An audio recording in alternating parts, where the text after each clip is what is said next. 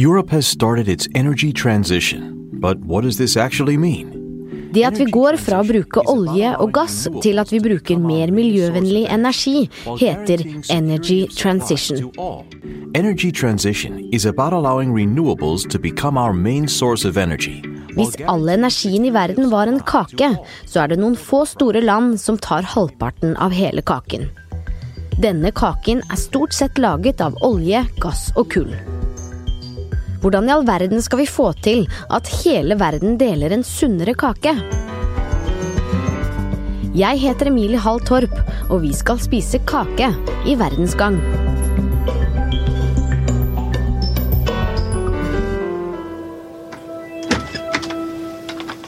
Her har vi kaka. Helge André Martinsen er oljeanalytiker i DNB. Hvorfor kan vi ikke bare slutte å bruke olje, kull og gass? Godt spørsmål. Eh, og flaks så har vi tatt med oss en energikake i dag. Og den er delt opp i 20 kakestykker. Og da har vi syv kakestykker som er lagd av olje. Vi har fem som er lagd av kull. Vi har fem som er lagd av gass. Så har vi to kakestykker av fornybar energi, og så har vi ett kakestykke av kjernekraft. Og nå skal vi skjære opp det fornybare kakestykkene. Sånn. Så dette her er fornybarkaken din. Den skal du leve av. Den var ikke veldig stor, men eh, om den er god, da. Ja, den var god og grønn. Fornybarkakestykkene smaker veldig godt, men eh, problemet er at de er ikke store nok. Så det er bare to kakestykker med fornybar energi. Det er jo ikke så veldig mye.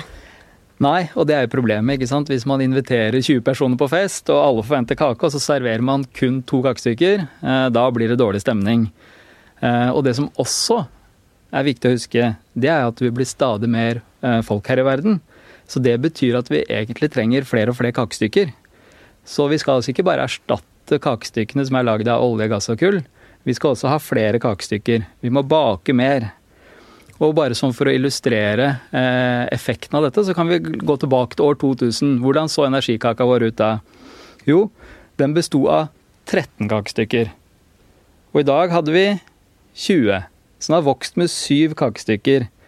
Eh, og det, det, betyr jo da ikke sant, at eh, verden trengte 13 kakestykker for å bli mett i år 2000.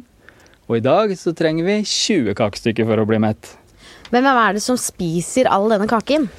Hvis vi, hvis vi ser på den kaken vi hadde, da, og har 20 kakestykker, eh, så kan vi si at eh, Kina spiser omtrent fem kakestykker av de 20. Eh, og så kommer USA på andreplass. De spiser en sånn mellom tre og fire kakestykker. Eh, så tar India og Russland ett kakestykke hver. Så det betyr at disse fire landene spiser mer enn over halvparten av eh, verdens energikake. Og det som vi snakket om, ikke sant, at hvis man inviterer på kakefest og kun har disse to fornybarkakene, hva skjer da? Jo, man begynner å krangle. Fordi at man må fordele ressurser. Eh, og det ser vi jo på en måte i den eh, globale energidiskusjonen. Det handler på en måte om, eh, om fordeling og, enighet rundt fordeling av energibruk og, og CO2-utslipp. Og, og, som et annet viktig poeng vi var innom, var jo det at kaken blir stadig større. Og, hvem er det som driver denne veksten? Hvem er det, det behovet for stadig mer kake? Jo, det er de fremvoksende økonomiene. Det er ikke oss i Europa. Eh, det er folkerike land som Kina, India, Indonesia, Brasil. Og utfordringen er at disse landene kommer til å ha lyst på enda mer kake framover. Så er det fordi disse landene øker at også energikaka må bli større? Ja. Og hvis vi, hvis vi et, prøver å gjøre på en måte en fremtidsreise, da, og se hvordan energikaken vil se ut i framtiden. Eh, så hvis vi gjør noen enkle beregninger og hopper 20 år fram i tid, da, fram til 2040, så er det sånn da altså at uh, kaken mest sannsynlig kanskje har vokst med seks kakebiter til. Så da har vi 26 kakebiter. Altså en dobling fra de 13 vi hadde i år 2000. Så, så det illustrerer poenget. Uh, og, og, husk da at vi har nå, i dag, to fornybare kakestykker. To grønne kakestykker. Og hvis vi i 2040 bare skal ha grønne kakestykker, så vil det si at vi må lage 24 grønne kakestykker innen 2040.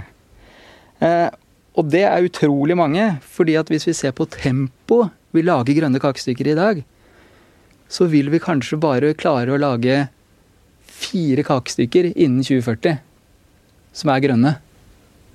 Mens vi egentlig trenger eh, godt over 20 for, for, å, for, å, kunne leve bare av grønne kakestykker. Så vi skal altså ikke bare endre oppskriften på, på kaka vår dramatisk, vi skal også bake mye mer kake. Så jeg skjønner at det er utfordrende.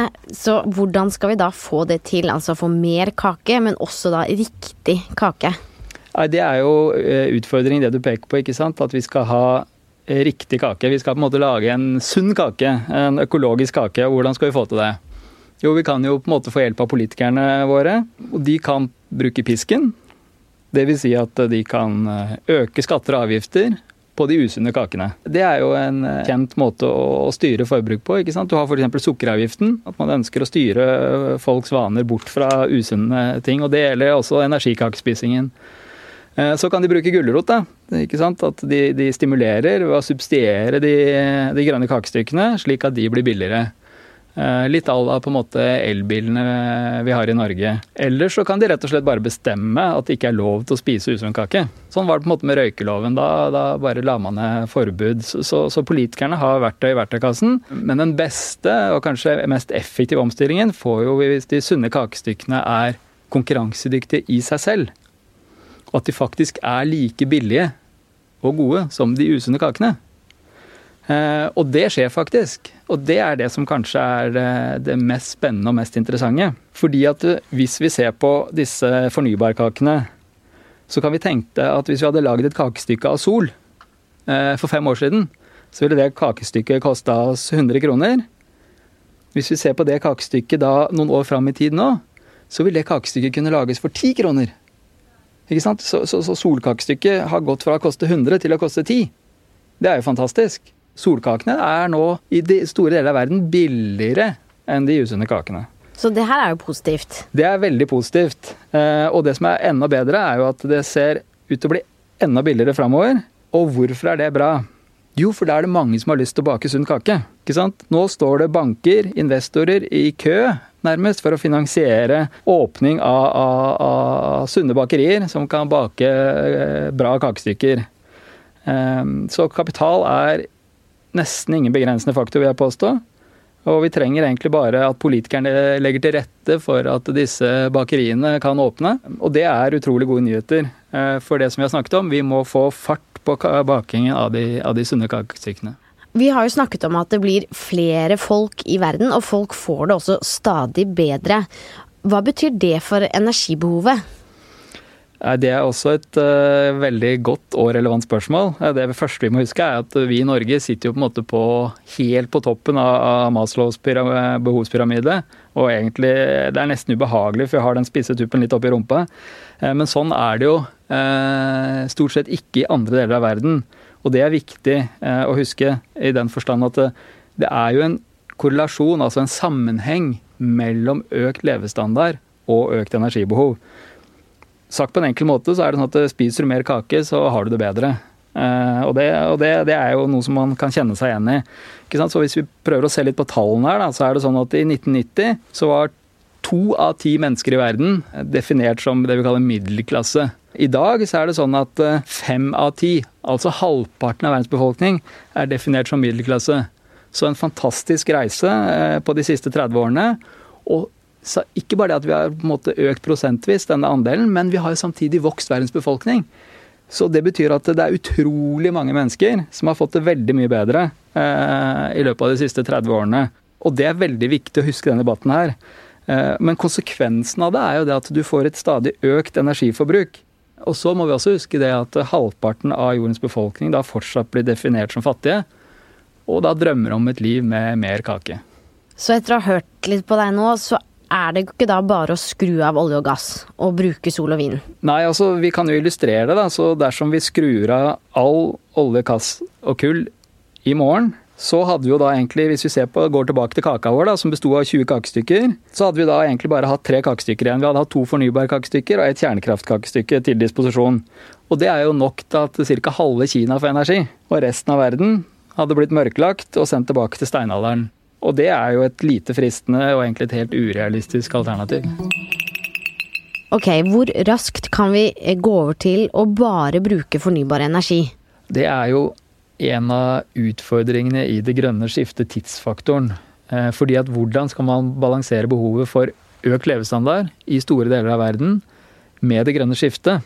Ikke sant? Og her kommer jo det dilemmaet. Det er bra at energikaken vokser, for da får folk det bedre i verden. Men samtidig så gjør det jo også denne energiomstillingen mye mer krevende. Ja, så hvordan skal vi da løse det? Nei, det enkle er at vi må lage mer eh, skal vi si, økologisk grønn energikake, og, og det veldig raskt, som, som, vi har snakket om. I tillegg til det så må vi bli mer energieffektive. Og hva betyr det? Jo, vi må få mer ut av hvert kakestykke vi spiser. Og vi må begynne å sleike tallerkenen etter vi har spist. Og, og vi må leve på en sånn måte at vi ikke trenger så mye kake. Vi må rett og slett eh, leve smartere og begrense energibruken vår. Hvis vi spiser da, Si at vi spiser da et kakestykke, energikakestykke, så får vi masse energi. Og så går vi ut da, og så hopper trampolina fordi det er gøy, og forbruker den energien på, på, på trampolinehopping. Det går ikke. ikke sant? Vi må bruke energien fornuftig, og ikke på unødige aktiviteter. Ja, Så da får vi ikke gjort noe som er gøy lenger? Vi kan uh, gjøre masse som er gøy, men vi må bare passe på at vi ikke har bare morsomme aktiviteter som krever mye energi. Det er viktig. Og så er vi også nødt til å tenke på hvordan vi skal fordele denne energikaken på en bedre måte. Fordi at Vi snakket jo om ikke sant, i starten hvem, hvilke land som forsyner seg grådig av denne energikaken. Eh, vi nevnte eh, Kina, India, USA. Mens Norge vi tar jo bare smuler. Vi spiser en, en liten smule av den energikaken vår. Eh, men er det en rettferdig måte å se verden på? Det er det store spørsmålet. ikke sant? Norge er et bitte lite land. Mens i India for eksempel, de spiser jo et helt kakestykke. Og vi tenker at oi, oi, oi, et helt kakestykke av en 20 kakestykkers kake, det er ganske grådig. Men de er 1,3 milliarder mennesker i, i, India. Så hvis vi sammenligner da ikke hvor mye landene spiser, men hvor mye per person man spiser, så er det sånn at eh, en person i Norge spiser da altså 15 ganger så mye kake som en person i India. Er det rettferdig? Og I utgangspunktet så er det helt innlysende at det er urettferdig at vi spiser 15 ganger mer kake enn en inder. Eller 25 ganger mer kake enn de som bor i Afrika. Og, dette er det helt sentrale eh, spørsmålet i den måte, globale fordelingspolitikken. Og, vi kan ikke forvente at folk i store deler av verden eh, skal nøye seg med mye mindre kake enn det vi selv spiser. Så hvis vi skal bremse eller redusere verdens energibehov, som er veldig viktig i energiomstillingen for å klare det på en raskest mulig måte, så kan ikke vi sitte eh, ved bordet sammen med masse folkerike land som India, Indonesia, Pakistan, Bangladesh, hvor vi sitter her. ikke sant? Vi sitter her med en stor kakemage og smuler i skjegget, og så sier vi til de andre som spiser bare en brøkdel av det vi spiser av kakefatet, om at de må begrense seg. Så, så, så, konklusjonen er at vi må spise mindre kake selv og gi mer til andre i en, i en omfordeling. Jeg skjønner at det er eh, komplisert, men jeg spør igjen, hvor fort vil vi kunne gå over til å bare bruke fornybar energi. Og Det er et uh, utrolig vanskelig regnestykke, men en av de viktigste parameterne uh, som egentlig du bestemmer, det er hvor mye energikake kommer du til å spise uh, i årene framover. Det vil være ekstremt viktig for svaret på, på det spørsmålet. Men er det i det hele tatt mulig å bare bruke fornybar energi? Det finnes dessverre ikke noe fasitsvar på om, om det er mulig å, å, bare bruke fornybar energi. For det er jo noen utfordringer med den fornybare energien eh, også. Og spesielt når du sammenligner med det vi kan kalle våre forbruksmønstre. Eh, for det er jo sesongvariasjoner eh, i vårt energiforbruk. Sommer-vinter f.eks. Og vi har døgnvariasjoner. ikke sant? At vi står opp ganske samtidig, vi går på jobb, kommer hjem fra jobb samtidig. Og energiforbruket vårt varierer gjennom dagen på, på bestemte måter. Og, og, litt av utfordringen opp mot fornybar, da, det er jo at uh, sola skinner når den skinner. Og vinden blåser når den blåser, uh, uavhengig av når vi trenger energi som mest. Så hvis vi skal ha en veldig høy andel av grønn energi i energimiksen, uh, så trenger vi et kjøleskap, egentlig, for å lagre de økologiske kakestykkene. Sånn at vi kan ta fram de når vi er mest kakesultne. For spiser vi ikke fornybarkake når den er helt fersk, så kan den ikke brukes.